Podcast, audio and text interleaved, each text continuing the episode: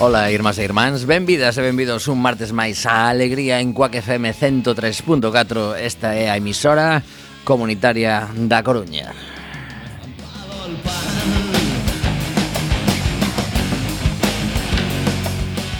Temos un programa hoxe deses entretidos nos que falaremos dun montón de cousas e, por suposto, lembraremos a esa maravillosa trama corrupta do Partido Popular, unha máis, que xa non sabemos ata onde chegan os dedos da man para contar corruptos nese partido.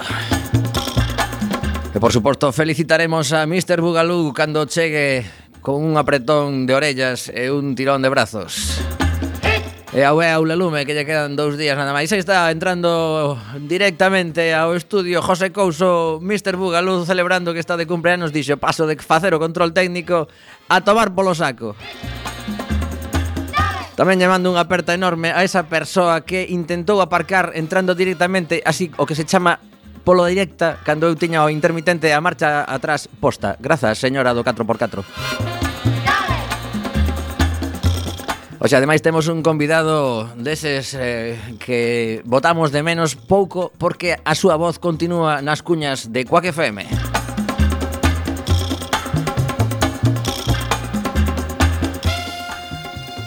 A parte negativa é escoitar unha semana máis barbaridades como a dese tipo de Vitoria que ademais de agredir a súa parella lanzou pola fiestra a unha nena de 17 meses. continúa en estado grave.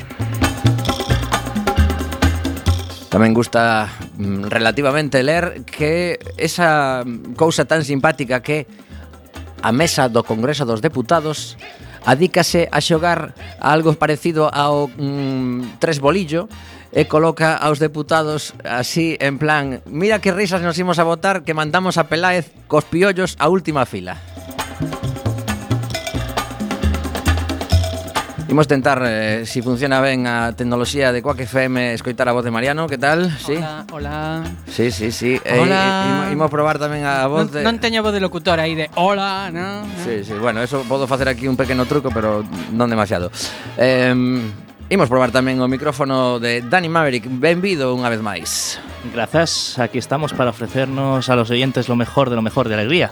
Pois a, a alegría que traemos nós tamén porque mm, o pasado sábado unha amiga da casa, e eh, ademais unha, unha desas cantantes que seguramente acabará chegando moi lonxe, presentaba un disco e eh, a verdade é que hai certo vínculo con ela e pode parecer que, que é peloteo, pero a mí me parece que o disco este que sacou a señorita Silvia Penide paga moitísima pena e imos lle dar unha oportunidade á canción coa que abre o disco, chamase Sobre el mismo alambre, Eh, o disco titúlase Todo pintado de plata. Aí xustiño, no Aramio xustiño. Pois sí, pois xa veredes que a, a canción fala precisamente Moi simbólico todo. Sí, sí, sí, sí, fala precisamente de de subirse a un escenario, eh enfrentarse ao público. E a mí me parece que que é unha das cancións que que vai acabar funcionando, aínda que non é o single nin nada por agora, pero así arranca o novo traballo de Silvia Penide. Isto debería estar soando, ¿verdad?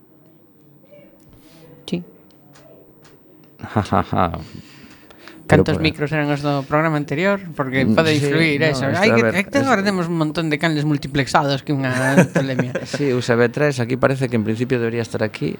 A ver, vou dar para atrás, a ver se si así. Velayetes. Ai, o multiplex.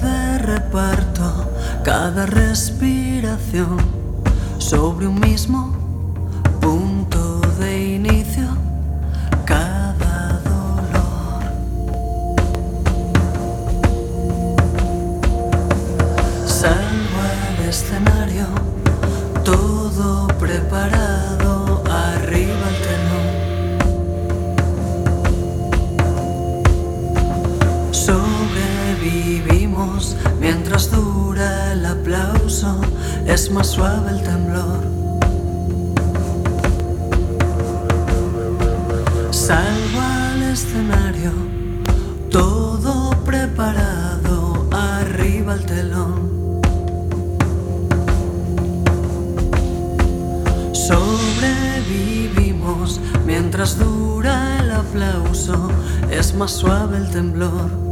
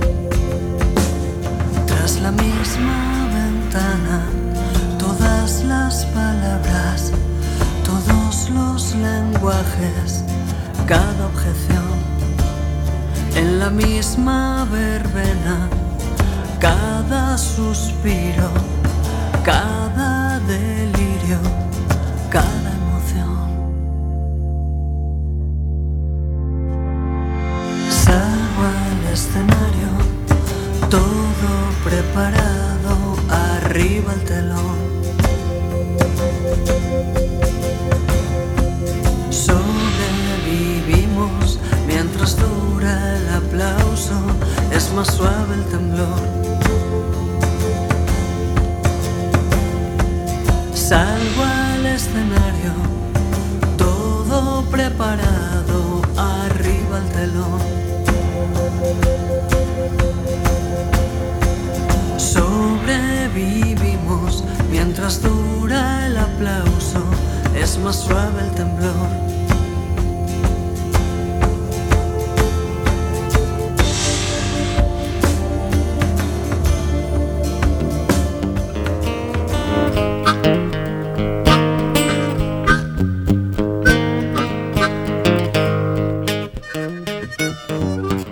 6 e 10 minutos eh, Saudamos aos que nos escoitan dende Valencia. Se hai novidades pola vosa zona Podedes mandarnos un SMS Ou incluso eh, entrar polo Facebook ou algún sitio Porque claro, viñamos para aquí Había 24 detidos 150 vehículos embargados E 250 contas corrientes Embargadas tamén Por posibles eh, delincuencias. Home, eso Eso vai ser que España ia ben. Home, de maravilla. Mira, eh, teño que recoñecer que Sobre viña... todo para algúns, ia estupendamente. Acaban de ter un par de sinalidades na emisora mm, hermana porque temos a súa antena aquí ao lado. Ah, sí. Sí, non por outra cousa. Eh, bueno, tamén porque fichan a moita xente de Quack FM. Eh, dicir que tiveron dúas sinalidades neste ratiño que collín o vehículo para achegarme. Bueno, antes de vir aquí tiven que ir a un sitio deses que non gusta ir, pero esa é outra cousa Eh, señalidade número un. Resulta que se plantexaron ata que punto unha persoa cando é tan corrupta e xenera tantos cartos a través de comisións, etc, etc, ten algún tempo para gobernar. Porque claro, a corrupción a tempo completo deixa mm, o tempo libre que che queda é para gobernar un pouquiño. A ver, eh, hai xente que lle chama a gobernar a iso. Non sei pero bueno, é unha reflexión. E a delegar a los becarios, por exemplo. Por exemplo, si sí, posiblemente eh, o que o goberno do día a día xa se encarga o primeiro que pase por ali. Tamén. Home, non, tamén, para, para, eso, para eso está o funcionariado, non? no, no, no, o funcionariado... O, a xente que traballa na función pública saco país adiante mentres nos pero polo, polo que privatizamos se... entre ah, claro. privatización, eso xa contaba eh, Javier Losada no seu libro Piratas do Público que falaba de que, eh, de que todo isto da privatización o que abre as portas é todo tipo de falcatruada deste estilo. Mm. Non? Pero bueno, di, di, di que desta vez non é só unha cuestión de, bueno, hai un pouco de todo, non? Pero sí que que que son sei que hai unha cuestión de supostas mordidas, eh, un tema de comisións. Sí, un detallito destes pequenos que fan en, sí, en, en Valencia teñen certa habilidade, porque nos quedamos cos traxes aqueles Pero, bueno, falaremos diso máis tarde. O que sí que tamén eh, quería facer referencia á segunda señalidade. Bueno, podemos, xa que temos aquí a Dani Que sí, de sí. esa zona podemos meterlo nun apuro sí, sí, ou dous. Sí, pero deixamos para logo. Agora, Pero agora... como ten a súa familia ali, igual non é recomendable. Non sei, sí, digo sí, no... por, por si acaso lles pasa algo, dis Claro, claro, evidentemente. Bueno, imos entrar coa entrevista agora mesmo Pero deixádeme, deixádeme que diga a segunda que me pareceu bastante simpática Porque co colleron a, a Soraya Sainz de Santa María pola rúa os xornalistas. E lle preguntaron que tal a corrupción no seu partido e tal. Bueno, isto o que unha vez máis, o que demostra A corrupción vai de puta madre. A temos de todas as cores. Que, que queres? Veis, granate? Bueno, pois pues, o tema foi que lle comentaron isto, non? E ela dixe, bueno, a verdade é que sí, que o que, o que se demostra con este tipo de actuacións policiais e judiciais é que o país funciona e que todo o mundo que se salta as leis pois pues, eh, pode acabar na, na cadea e isto un tema que nos está afectando a todos os partidos.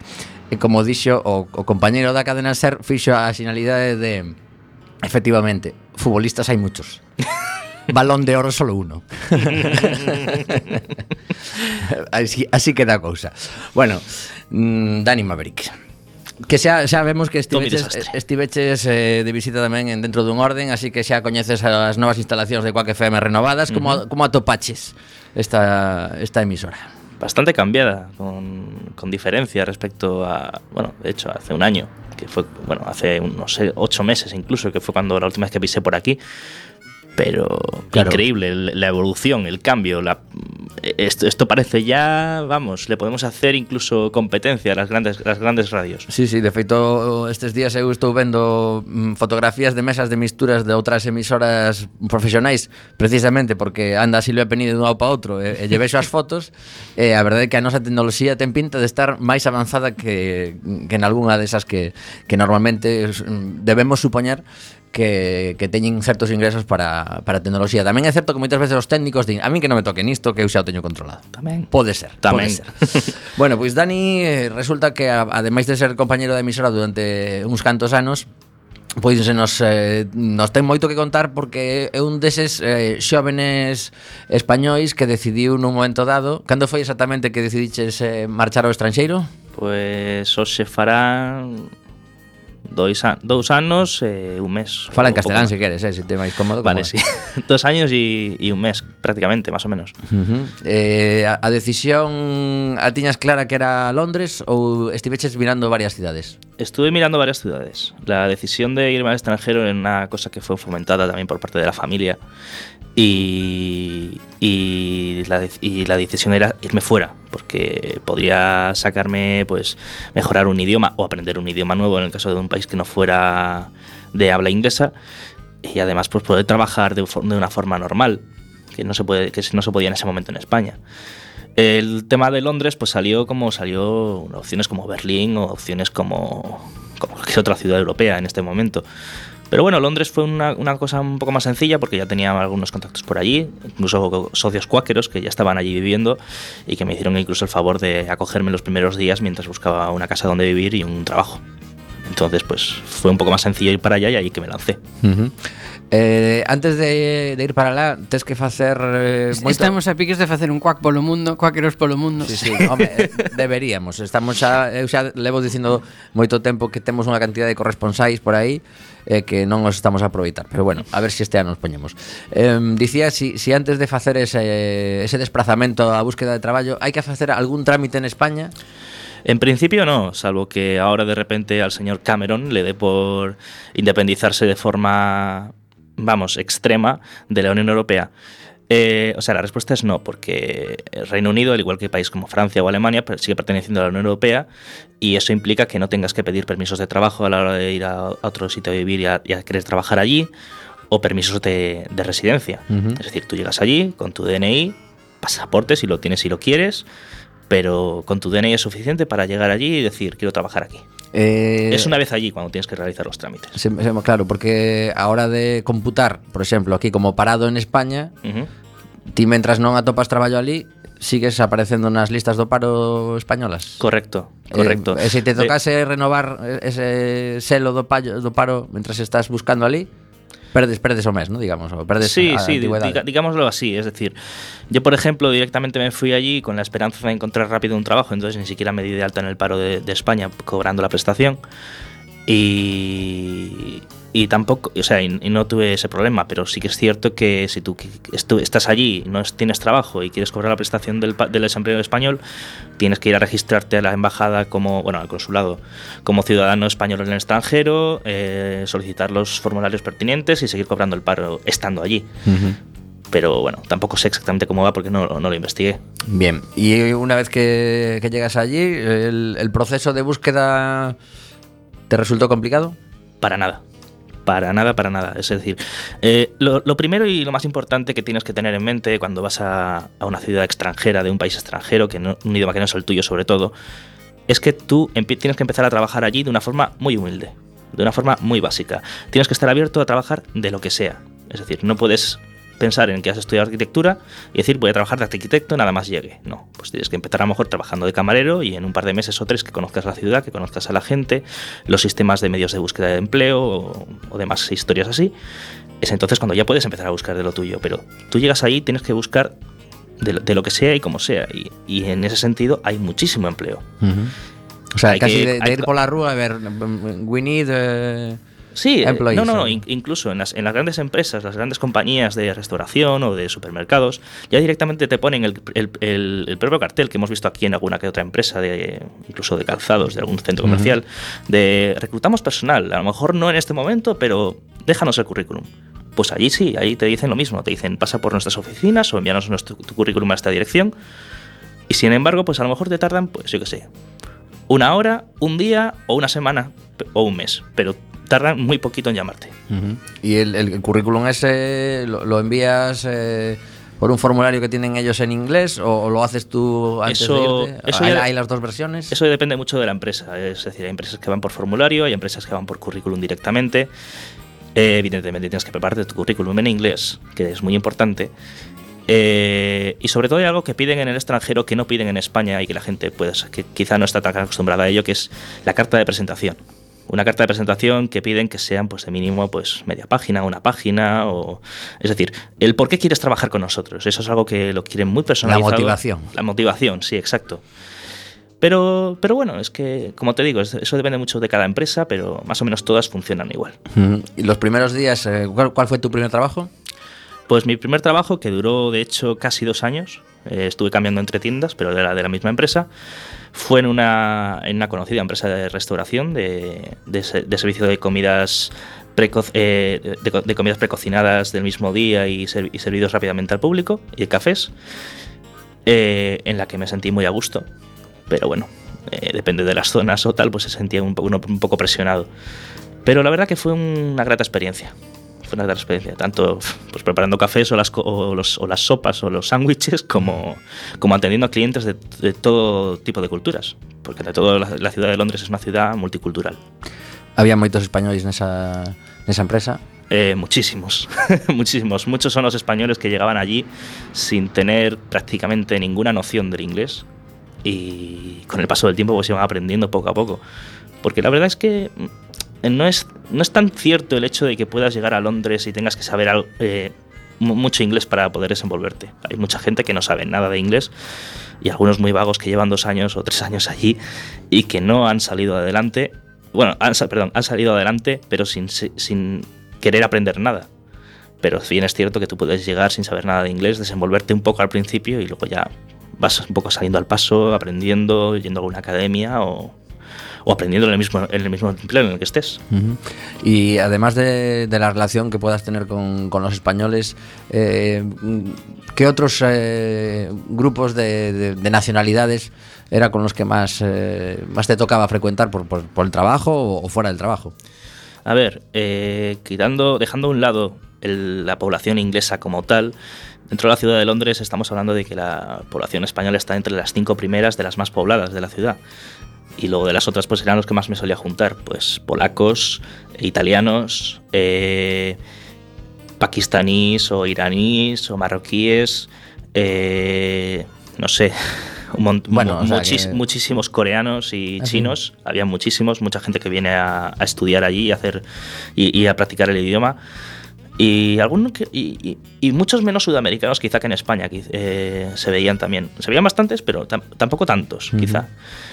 ¿Y Pero- notabas, notabas diferencias en el trato entre, entre unos y otros? Cuando a lo mejor empezabas a, a tener trato, imagínate, con un marroquí, decías, con este tengo que ser pues más simpático o, o llevarme de una forma diferente a los polacos, por decir algo. ¿eh?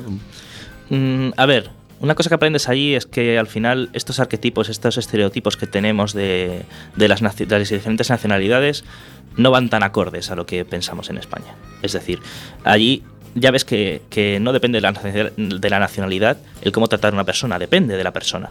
Entonces, tú puedes ver a dos marroquíes y pueden ser completamente distintos. Uno súper amigable y otro súper cerrado.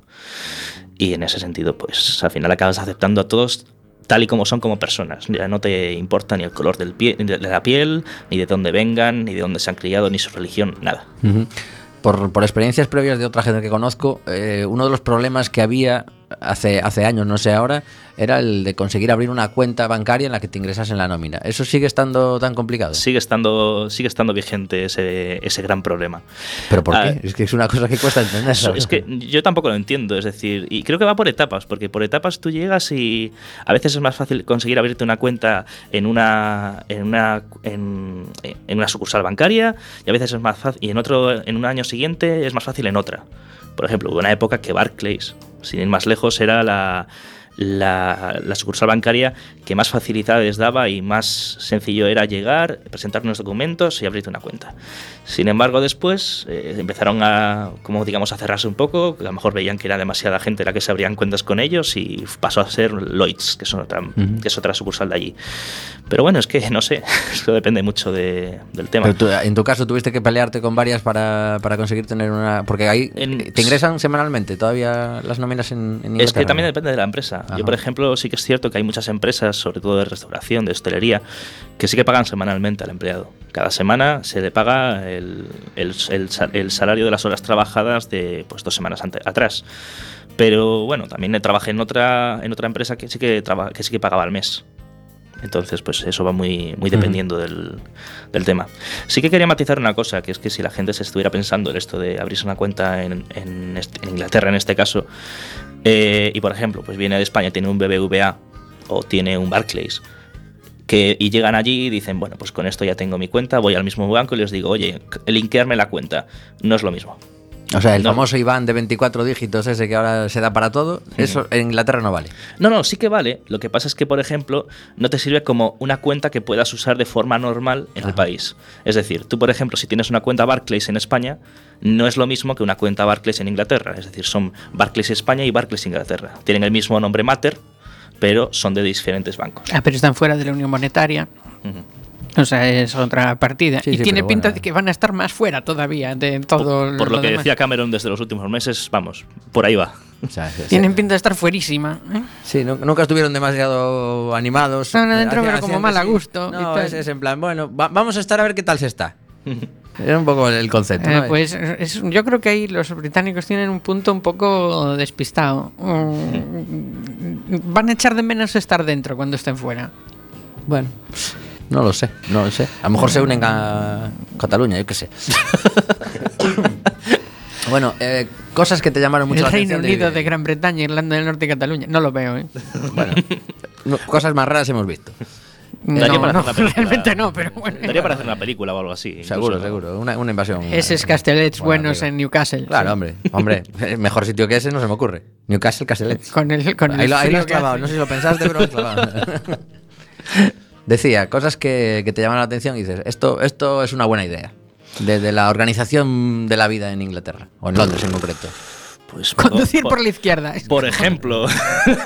¿Eso es buena idea o es mala idea? Bueno, eso al, al fin y al cuentas es que da igual. Por la izquierda, por la derecha, es sencillamente mirar, eh, mirar a por dónde vienen los coches. Eso sí, tienen, por ejemplo, que cuando cruzas los, los pasos de cebra, que me parece que tú lo viste cuando estuviste en Londres, te, te ponen en el suelo del paso de cebra, mira a la derecha o mira a la izquierda según la dirección en la que vienen los coches. Es un detalle. En plan de, mm, sí, vas a cruzar, pero mira por dónde van a venir los coches, que a lo mejor eres turista y no te das cuenta. Me tienes pinta de ser continental, a ver si la vamos a tener. No, no, va- más vale prevenir. Que Sí, es, muy británico eso también. Por si acaso. Sí, sí. Luego, el, eh, tiene un sistema con los semáforos bastante peculiar. El hecho de, de que aquí en España estamos acostumbrados que está el semáforo en rojo. Bueno, pues ya más o menos me memorizo para, para que antes de que se ponga verde arranco. Allí no, allí es. eh, está en rojo, de repente está en rojo y en ámbar a la vez para decirte vete arrancando que vamos a cambiar. Ajá. Por ejemplo. No, no sé, en ese sentido está muy bien. Bueno, papeleras por todos los lados, cosa que me sorprendió. Ha- había algunos puntos que directamente te veías que había pues metros y metros sin papeleras. Decías, "Y esto, esto es muy raro. Pero bueno, no sé, en ese sentido mejora mucho. Eh, pues supongo que por el sistema monetario que decía Mariano, han, han provocado que prácticamente todos los establecimientos puedan pagar con tarjeta cosa que facilita mucho la rapidez con la que vive el, el ciudadano inglés en la ciudad de Londres al menos. Y luego el transporte público es una pasada. Pues sí. No solamente las líneas de metro, que hay un montón con muchísima frecuencia y demás, sino también los buses y todas las líneas eh, diurnas y nocturnas de autobuses que hay. ¿En alguna ocasión te sentiste como... No, no sé si la palabra es despreciado o... eh, mm, que te tomaban como algo inferior por ser español? Sí, bastantes veces. Sobre todo en, los momentos del trabajo. En los momentos de trabajo que te venían, pues, yo qué sé, a lo mejor ingleses o no ingleses, pero que llevaban afincados mucho tiempo allí, que tenían sus trabajos de élite y, y claro, tú estabas trabajando y directamente, pues, eh, te empujaban o te trataban, perdón por la palabra, como el culo. Y en ese momento, pues dices, bueno, sí, estoy haciendo trabajos de mierda, soy extranjero y pues, sí, me siento inferior. Pero posiblemente eso pase igual dentro de una gran empresa española entre los de arriba y los de abajo. También. No necesariamente por el hecho Bueno, de... yo, de yo te iba, que- yo te iba a decir que los ingleses son un poco así, tam- o sea, yo por mi, mi experiencia allí, que fue, fue breve, eh, y- pero, por- pero si lo sigues un poco su literatura, su cultura en general, son un poco como bastante refractarios y de, y de mirar bastante por encima del, del hombro a todo el mundo. Es decir, son muy, es un, tienen una, idios- una idiosincrasia muy, pe- muy peculiar. Es habitual que se sientan superiores al universo en general, quiero decir, tampoco es una cosa. Ahí los franceses, por eso yo creo que se tienen ahí tirria los franceses y los ingleses porque están ahí en ello, ¿no? Ambos. De tú, tú ser innoble, aunque apenas, apenas has evolucionado desde una bacteria, ¿qué vienes a decirme a mí que yo soy? ¿eh? A ver, sí que es cierto que, por ejemplo, en la misma ciudad es muy complicado a veces encontrarte con ingleses de per se. Pero ah, yo, por lo menos, a ver, quitando el tema de estos clientes que os digo que era un poco más chungo estar encontrarte con ellos y que te trataran como pues como una, una bacteria. Eh, la verdad que tuve suerte de que la gente con la que más he tratado a nivel laboral o a nivel personal, de juntarme y demás, sí que han sido muy buenas personas buenas personas de tolerancia cero y aceptar a lo que venga. Incluido de ellos uno de mis jefes de tienda. O sea, Que- muy tolerantes, quieres decir. sí, sí, muy tolerantes. Es decir, se, se les veía muy british, pero a la par muy tolerantes y, y vamos, que ya habían aceptado el tema de que si los extranjeros no pueden llegar a vivir para hacer algunos trabajos incluso. El- lo, lo que, lo que a mí me han dicho es que también es que hay una enorme diferencia eh, en la forma de ser de los británicos entre Londres y, y el resto del, del país. Que Londres es como un microcosmos, una ciudad muy cosmopolita, muy mucho más abierta y que luego el resto del Reino Unido, bueno, ya no tanto, ya no tanto. Supongo que el hecho de convivir diariamente con cientos de culturas pues, te hace abrirte. No sé si te diste un voltio por el resto del sí, país o... sí, estuve en, en algunos puntos del resto del país. Lo que pasa es que eh, bien es cierto que, sin embargo, yo los encontré más abiertos en el resto del país que en la propia ciudad. También quizá porque a lo mejor en la ciudad es donde está, como dices, la gente más cosmopolita, más de la élite, más de no sé qué, y esos son los que están un poco más como de "Shh, ¿a dónde vas tú? Que aquí somos nosotros los reyes. No lo sé. También dependerá mucho de la propia persona, evidentemente, y habrá de todo, pero no eso ya no te lo puedo no te lo puedo decir a ciencia cierta cómo va cómo va a nivel de, de la población inglesa. Y de cara a alguien que, que se esté planteando esa, esa excursión, ¿recomendarías Londres como primera opción, por ejemplo, para, para irse a buscar la vida al extranjero?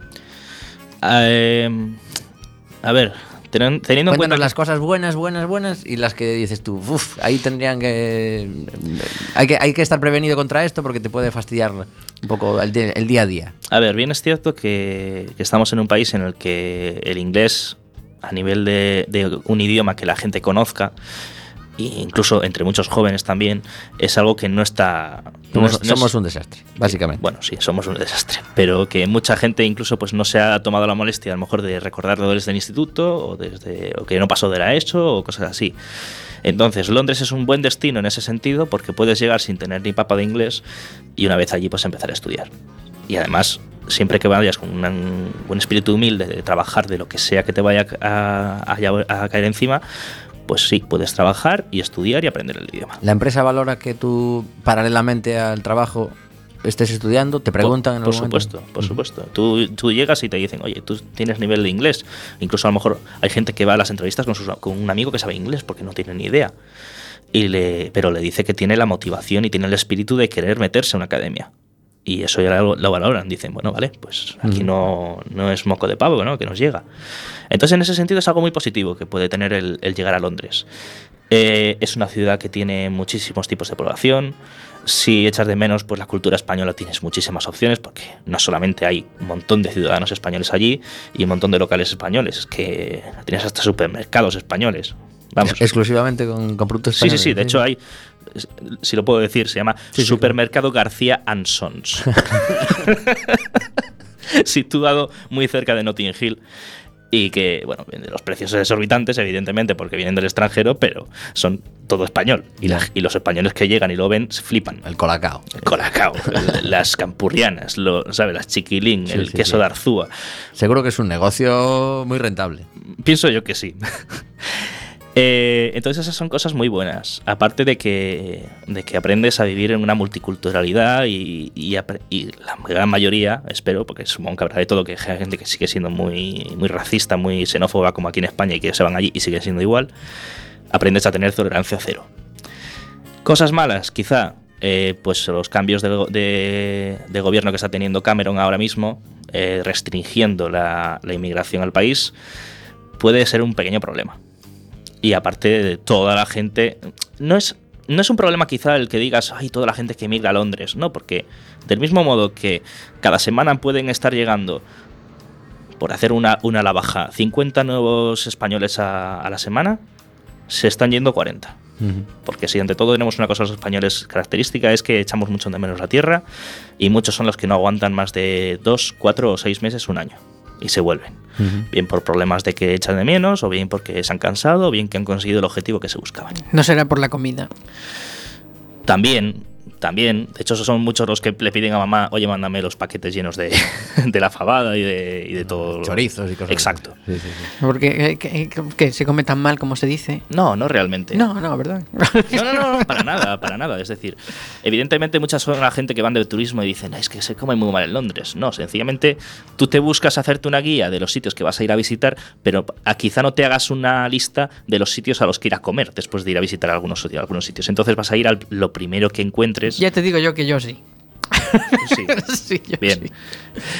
Pero vamos, que, que- comer en Londres no se come mal. Y tampoco es caro ah, comprar en el supermercado y hacerte tus propios platos. En ese sentido.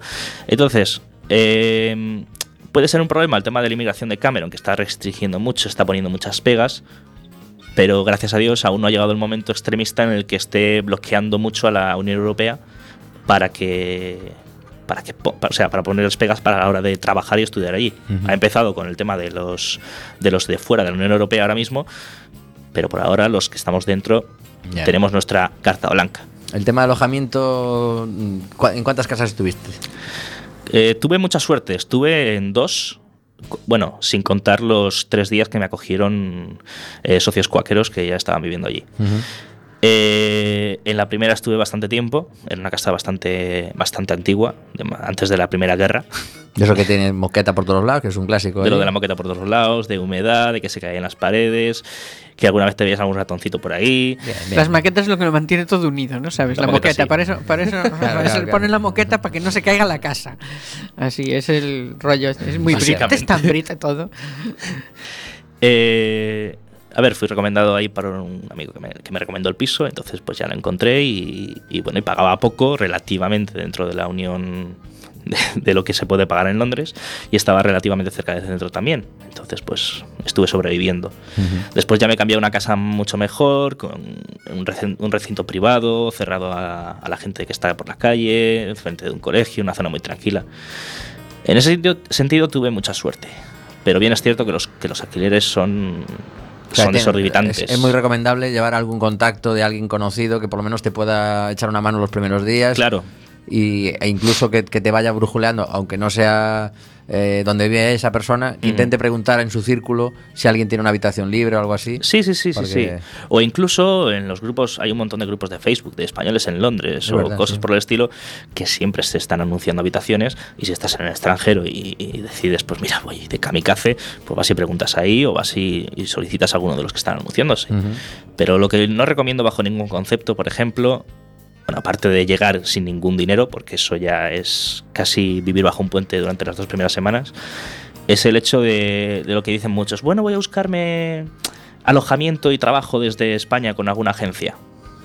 La mayoría, por la experiencia de mucha gente que conozco, han sido bulos y han pasado muy malas, muy malas etapas de casi de estar en la ruina y, como digo, vivir bajo un puente por culpa de ellos.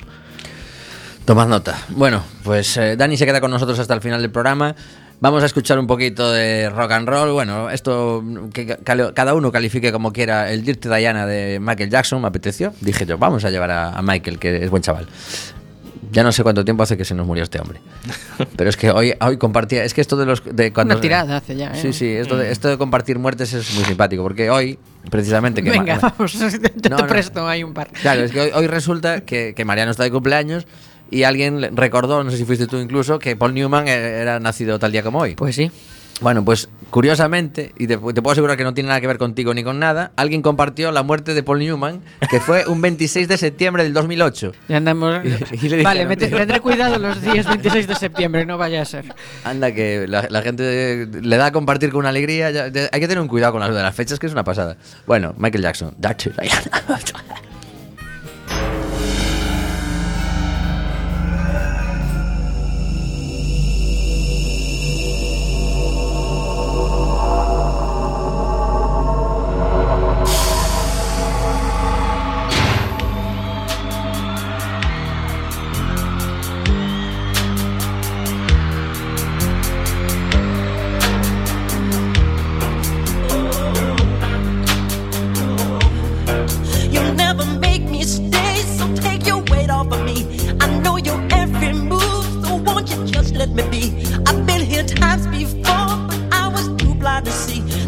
and do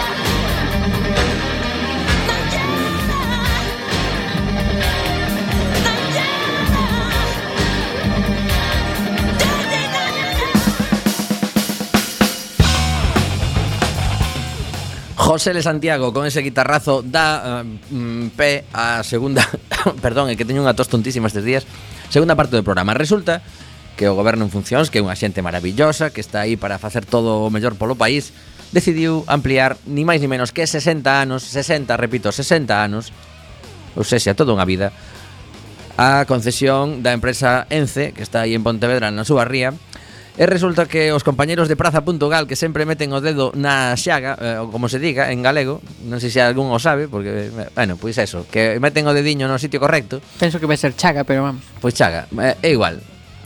Portas xiratorias en Ence. Quen é quen? Carallo, caralliño, carambiruli. Porque resulta que empezamos a, a tirar do fío desta noticia e gustounos moito. Resulta que o primeiro que di un comentario, non é a nova en concreto, sino os comentarios que fan os, os lectores de Praza. Eh, déxame, déxame ver que me fago así un, un rollo así como voume concentrar Rapel. en plan Ouija. Mariano sí. é Rapel agora mesmo. Um, Imaginadeo. Cheira a laca, mogollón. Sí. E a tinte. Sí. Sí, vale. Sí, vale. ben, imos por aquí. Domicilio social de Ence, Rúa Bobadilla 14, Madrid. Onde paga os impostos. Sí, bueno, claro, Madrid, a ver, hai, hai xente que se queixa que decía, dicía, claro, porque en, en, os, as árbores as cortan aquí, as, as plantas as teñen aquí, e logo os impostos os pagan en Madrid, non? Claro. claro. Eh, a ver, eu entendo que as plantas as podían ter en Madrid tamén, as plantas de procesado que contaminan unha barbaridade todo isto, pero as árbores se fastidiado. Bueno, pero o rollo. Pero podían pagar os impostos aquí. Eh, eh, tamén poderían pagar os impostos aquí, non estaba mal, non claro, estaba mal. Claro, 60 anos máis Era un detalle, o mellor. Bueno, quen está nese congreso, ese mm, Consello de Administración? Os colectivos contrarios á continuidade de ENCE en Lourizán adoitan incidir nas relacións próximas entre os dirixentes da empresa e os poderes públicos, sobre todo o exercido polo Partido Popular, tanto en Galicia como en Madrid. Son rechamantes a... No, en serio, en non me podo creer. En serio, sí, sí, sí, sí. Dous nomes en concreto son os que máis chaman a atención dentro dese Consello de Administración. Isabel Tocino, Ah, mira la laca. ministra de Medio Ambiente, repito, de medio ambiente entre eu, 1996 e ano 2000. É un tic que ten o Partido Popular. Eh, cando nomean un ministro de medio ambiente, sempre poñen alguén que ten eh, directa relación con Coalaca. con industrias contaminantes. Vale. É sí. un, un, unha cousa sí, que sí, sí, é como sí, que non o poden evitar, non? É dicir, íbamos facer o chiste, veña, veña, a ver, a quen poñemos? E despois de Isabel conto, esta, esta que se encarga de sementar eucaliptos polo mundo adiante. Uh -huh. eh, pero perdoa que despois o, o rollo foi que puxeron a Arias Cañete no seu momento que só uh, ten, unha, ten intereses en, en transporte de hidrocarburos. Dís, pero en, en serio? Pois sí, en serio. E temos tamén a Carlos del Álamo, conselleiro de Medio Ambiente, Que curioso. Sí, todos os medio Da Xunta de Galicia, 1997-2003. Oh, son boísimos, os eucaliptos son boísimos, sí, unha sí, cousa. Sí, sí, sí. Antes de, feten. de ocupar esta consellería, Del Álamo foi director xeral de Montes e Medio Ambiente. Sabe moito de árbores que se apellida Del Álamo. Entre 1990 e 1996, en suño deste ano foi nomeado director xeral de Conservación da Natureza do Ministerio de Medio Ambiente. Claro, de conservación da natureza, eso ven sendo meter natureza en latas. Estos dos consellos de administración está moi ben traído, eh? Hai que sí. hai que recoñecelo. Sí. Eh, tamén nos comenta aquí que outro conselleiro cun importante pasado político é Pascual Fernández Martínez, nomeado, nomeado por Alcor Holding S.A., que foi secretario de Estado de Augas e Costas do goberno de José María Aznar. Como... Esas portas giratorias boas. Sí, sí. sí. Hmm. Compre salientar igualmente que María José Echeverría, subdirectora xeral de Coordinación Medioambiental da Xunta, é esposa do director da fábrica de Ence Pontevedra. Mm, bueno, bueno. Recomendarei este artigo, de feito vou no compartir para a xente que teña Vaya. que teña ganas de, de cabrearse un pouquiño máis.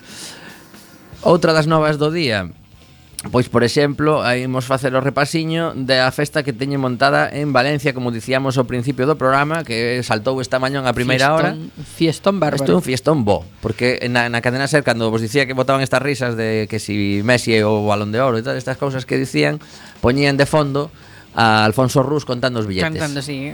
11.000 12.000, 2 millóns de pesetas. sí, 11.000, 12.000, 12.000. Sí, sí. 2 millóns de pesetas. Bueno, en billetes de 500, 500, sí, sí, sí, hostia, sí, cantando, sí. sí. Aunque ahora estoy pensando, eh, es no, no, era Valencia Capital, no era Játiva, si no me equivoco. Es de Játiva, sí, sí, pero fue presidente, de la, presidente de la Diputación. Bueno, el presidente de la Diputación, pero alcalde bueno, de Xátiva, sí, sí. De alcalde sí. de Xátiva e eh, gran animador dos mítins do Partido Popular durante a época gloriosa de La mascota, da mascota del partido. Unha festa. Ese partido valenciano é unha festa, pero importantísima. Agora xa gobernan menos, pero... Eu empezo a preguntarme cal non é unha festa. Sí, sí, sí. Bueno, porque Madrid temos que falar... era unha festa, Valencia era unha festa... Hai que falar de, de esa, esa empresa pública... Aquí temos o, o, todos os bichos saltando por todos os lados. Entón, po que se Pokémon, que se Pikachu, que se... Fala, por certo, que por fin... Zeta. Por fin está o informe de Facenda que facía falla para seguir avanzando na trama Z. Váyame, aleluya. Sí, eh, hai uns días sabimos que, que imputaron a bastante xente máis sí. gracias a, a que seguían investigando mentras os de Facenda facían o seu traballo, así que dentro dun, entendo que dentro de pouco xa empezarán a segunda ronda de declaracións e con un pouco de sorte o amigo Gerardo Crespo empeza a largar porque dixo que non non declaraba ata que non estivera o informe de Facenda. Xa o temos, a ver que conta. Pois, a ver, a cuestión A cuestión con todas estas cousas é que eh, o que dá toda a impresión é de que mm, xa non vai colando o tema do vamos o discurso das, ma, das mazás podres, non? Uh -huh. É que temos un problemiña ali, pero nada. nada. É un caso aillado. É un tema persoal, ademais. É un tema persoal e un caso aillado. Mm, a ver, isto ten moi mala pinta.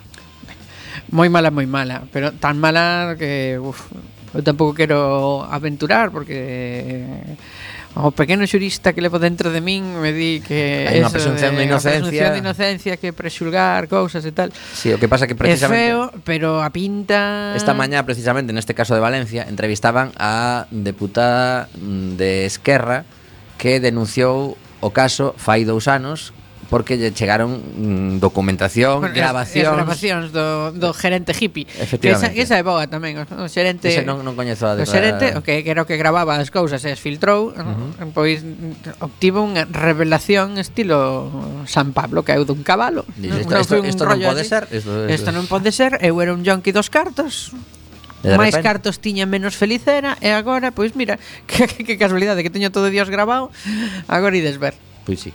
Eh, eu culpable tamén, claro, eu como, primeiro, así. Como dicía ah, esta muller esta mañá, se si hai ano e medio, nos entregamos todo iso, que xa era para metelos a todo na cadea, elevan ano e medio investigando porque deberon de seguir tirando do fío e apareceu unha trama moitísimo máis grande do que nos coñecíamos, imaginadevos o que hai aí.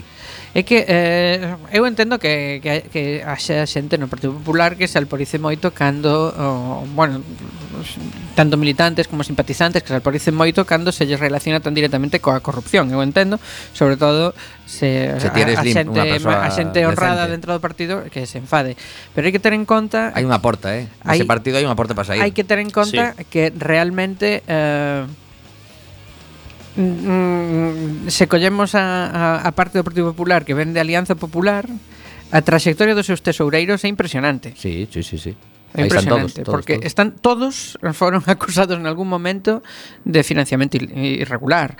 Eso quere dicir varias cousas. O sea, a primeira delas, considerando que outro partido grande tamén tivo problemas de financiamento irregular, quere dicir que igual a nosa lei de financiamento algo me, se, mellorable mellorable pode ser, eh? Eso por un lado. Sí, pero e por outro ata, lado, ata, me, ata mellorando a lei, por outro teño lado, a sospeita de que seguirían facendo falcaturadas. Que igual non se xeneran cartos para estruturas partidarias tan grandes como as que teñen os, os dous partidos mayoritarios, os dous partidos moi grandes.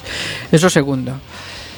E o terceiro, evidentemente, pois é que que visto visto que hai moito golfo de Dios, eh? eh porque, ah, sí, sí, sí, sí. Eso, porque, eso podemos decir que ata está demostrado. Porque caramba, mm, eh, eh, o mapa o mapa de corrupción é, é tremendo. Entón, claro, cando moitas veces hai xente que di que a corrupción é un sistema de goberno, cousa a que eu Eh, eh, todo o que nos siga eh, testemunha resistínme durante moito tempo a, a, a crelo pois mira, voume convertindo eh, co, paso do, co paso do tempo uh -huh. porque realmente ti ves a ir caso tras caso tras caso tras caso tras caso tras caso e logo eh, sabes cousas como que eh, pois en, en casos de, de, de problemas fiscais de fraudes fiscais pois como que cando se sanciona algunha empresa eh, grande que está investindo cartos no país pois eh, o que acaba mal é o inspector de Facenda que abre a inspección.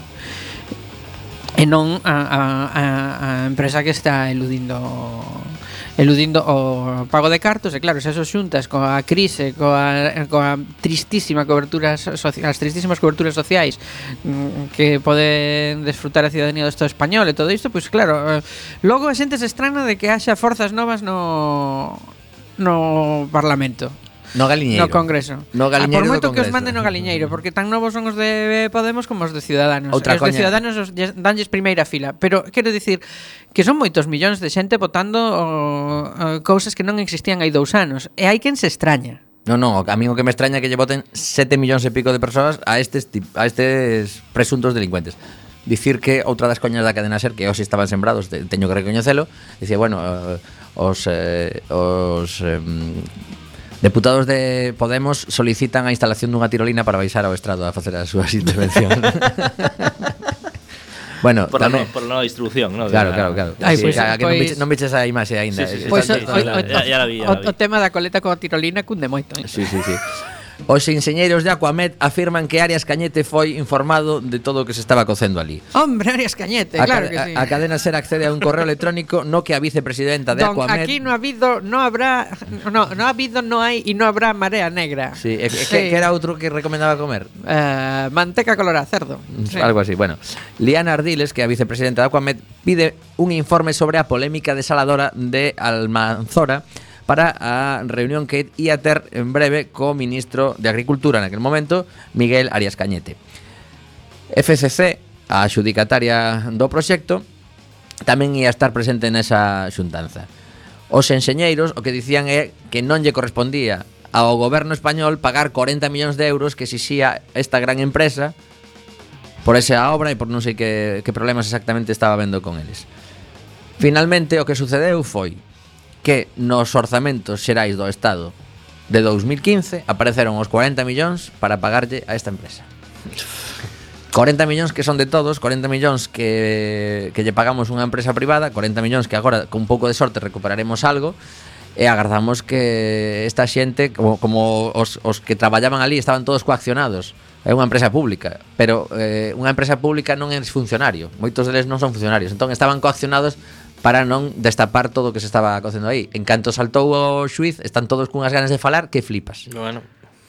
Así que seguramente imos, imos saber máis cousas das que lle gustarían a moito. Oi, unha, unha tamén, eso tamén tamén o que denota é outro dos problemas sistémicos que, que padecemos que é a falta de control. Eh, eh, eh, o control do público non é todo o que debería e ademais eh, Mm, o, bueno, o, tradicionalmente eh, a xente que exerce funcións públicas por mandato da ciudadanía non ten o que se di tendencia a rendir contas. que Cousa que é bastante bueno, preocupante. xa sabemos que eh, os, os orzamentos xerais do Estado son tan grandes que aí caben partidas tan curiosas como esta que seguramente se lle pasaría a maioría dos, da oposición no, pero, incluso. A ver, o de rendir contas é unha cuestión de vontade política, eh? non... Hai quen, se quen quere facelo, faino. Sí, pero sí, evidentemente, se si fas estas falcatruadas non vas a rendir contas. Mira, estes 40 millóns son de delincuencia. A ver, claro, pero eu daría lle volta ao razonamento. Se, se rindes contas, igual non fas estas falcatruadas. Que o, o mellor xa non estás tamén, en ese partido. Tamén. Nin, nin, ese, nin ese nin, nin a ver, eu penso que aí aí aí tamén hai un hai un arquetipo, hai un hai un un modelo de mangante que dalle exactamente igual o partido no que está, eh? Uh -huh. el vai o que vai e eh, chao. Bueno, imos a dedicar os dous últimos minutos do programa de hoxe, se vos parece, a facer un repaso do simpático que quedou o reparto dos escanos no, no hemiciclo do Congreso dos Deputados, porque de verdade que é moi simpático, porque está no, no lado da dereita todo o Partido Popular e quedaban exactamente catro escanos. Arriba de todo están colocados. Eh, as, as dúas sillas que quedan ao lado do Partido Popular son eh, Bildu Os dous de Bildu e os dous de Esquerda Unida. Pa, pa telos controlados. Ui, que borrollo, eh. van ter un borrollo aí Sí, sí, sí, logo chega ao pasillo. Vale, hai, hai dúas baixadas Bueno, sí, pues, sí. perdón, podría ser peor Que los pusieran en la esquina. Sí, do outro lado. super controlados aí ya Aquí polo menos poden sair ao pasillo a mexar e a cagarse en todo e tal. certo é, certo é. O, o, o, deputado, o, depu, o deputado do PP que lle quede aí ao lado pegando co que lle toque vai sí, estar sí, máis tenso que un violín. Vamos, sí, é de Bildu, xa nin te, sí, non sí, sí, te sí. digo nada. Ademais lle pode escupir o de debaixo. Eh? Ai, Dios. Bueno, sí, bueno. Ben, tamén temos eh, no, no espazo central, digamos que hai tres bloques, vale? Tres quesitos, pensade en tres quesitos do, do trivial o que si toda a dereita, todo o Partido Popular, eses catro que vos dixen. Que correcto, que colleran o, a dereita. O, o, sí, claro, claro. O que ixiño do medio, temos a todos os ciudadanos aí fardando, o sea, estará Albert Rivera mm, dominando a zona central. E despois temos eh, por arriba está a Democracia e Liberdade, que son os cataláns, non? Temos tamén a algún partido aquí de de como se chama? Ah, do Partido Nacionalista Vasco. Non te vai dar tempo, eh. Vale e logo chegan arriba de todo xa empeza o galiñeiro do, dos de Podemos.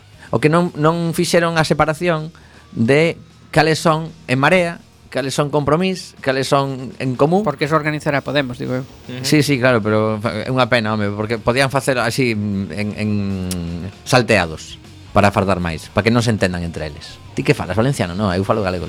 A ver,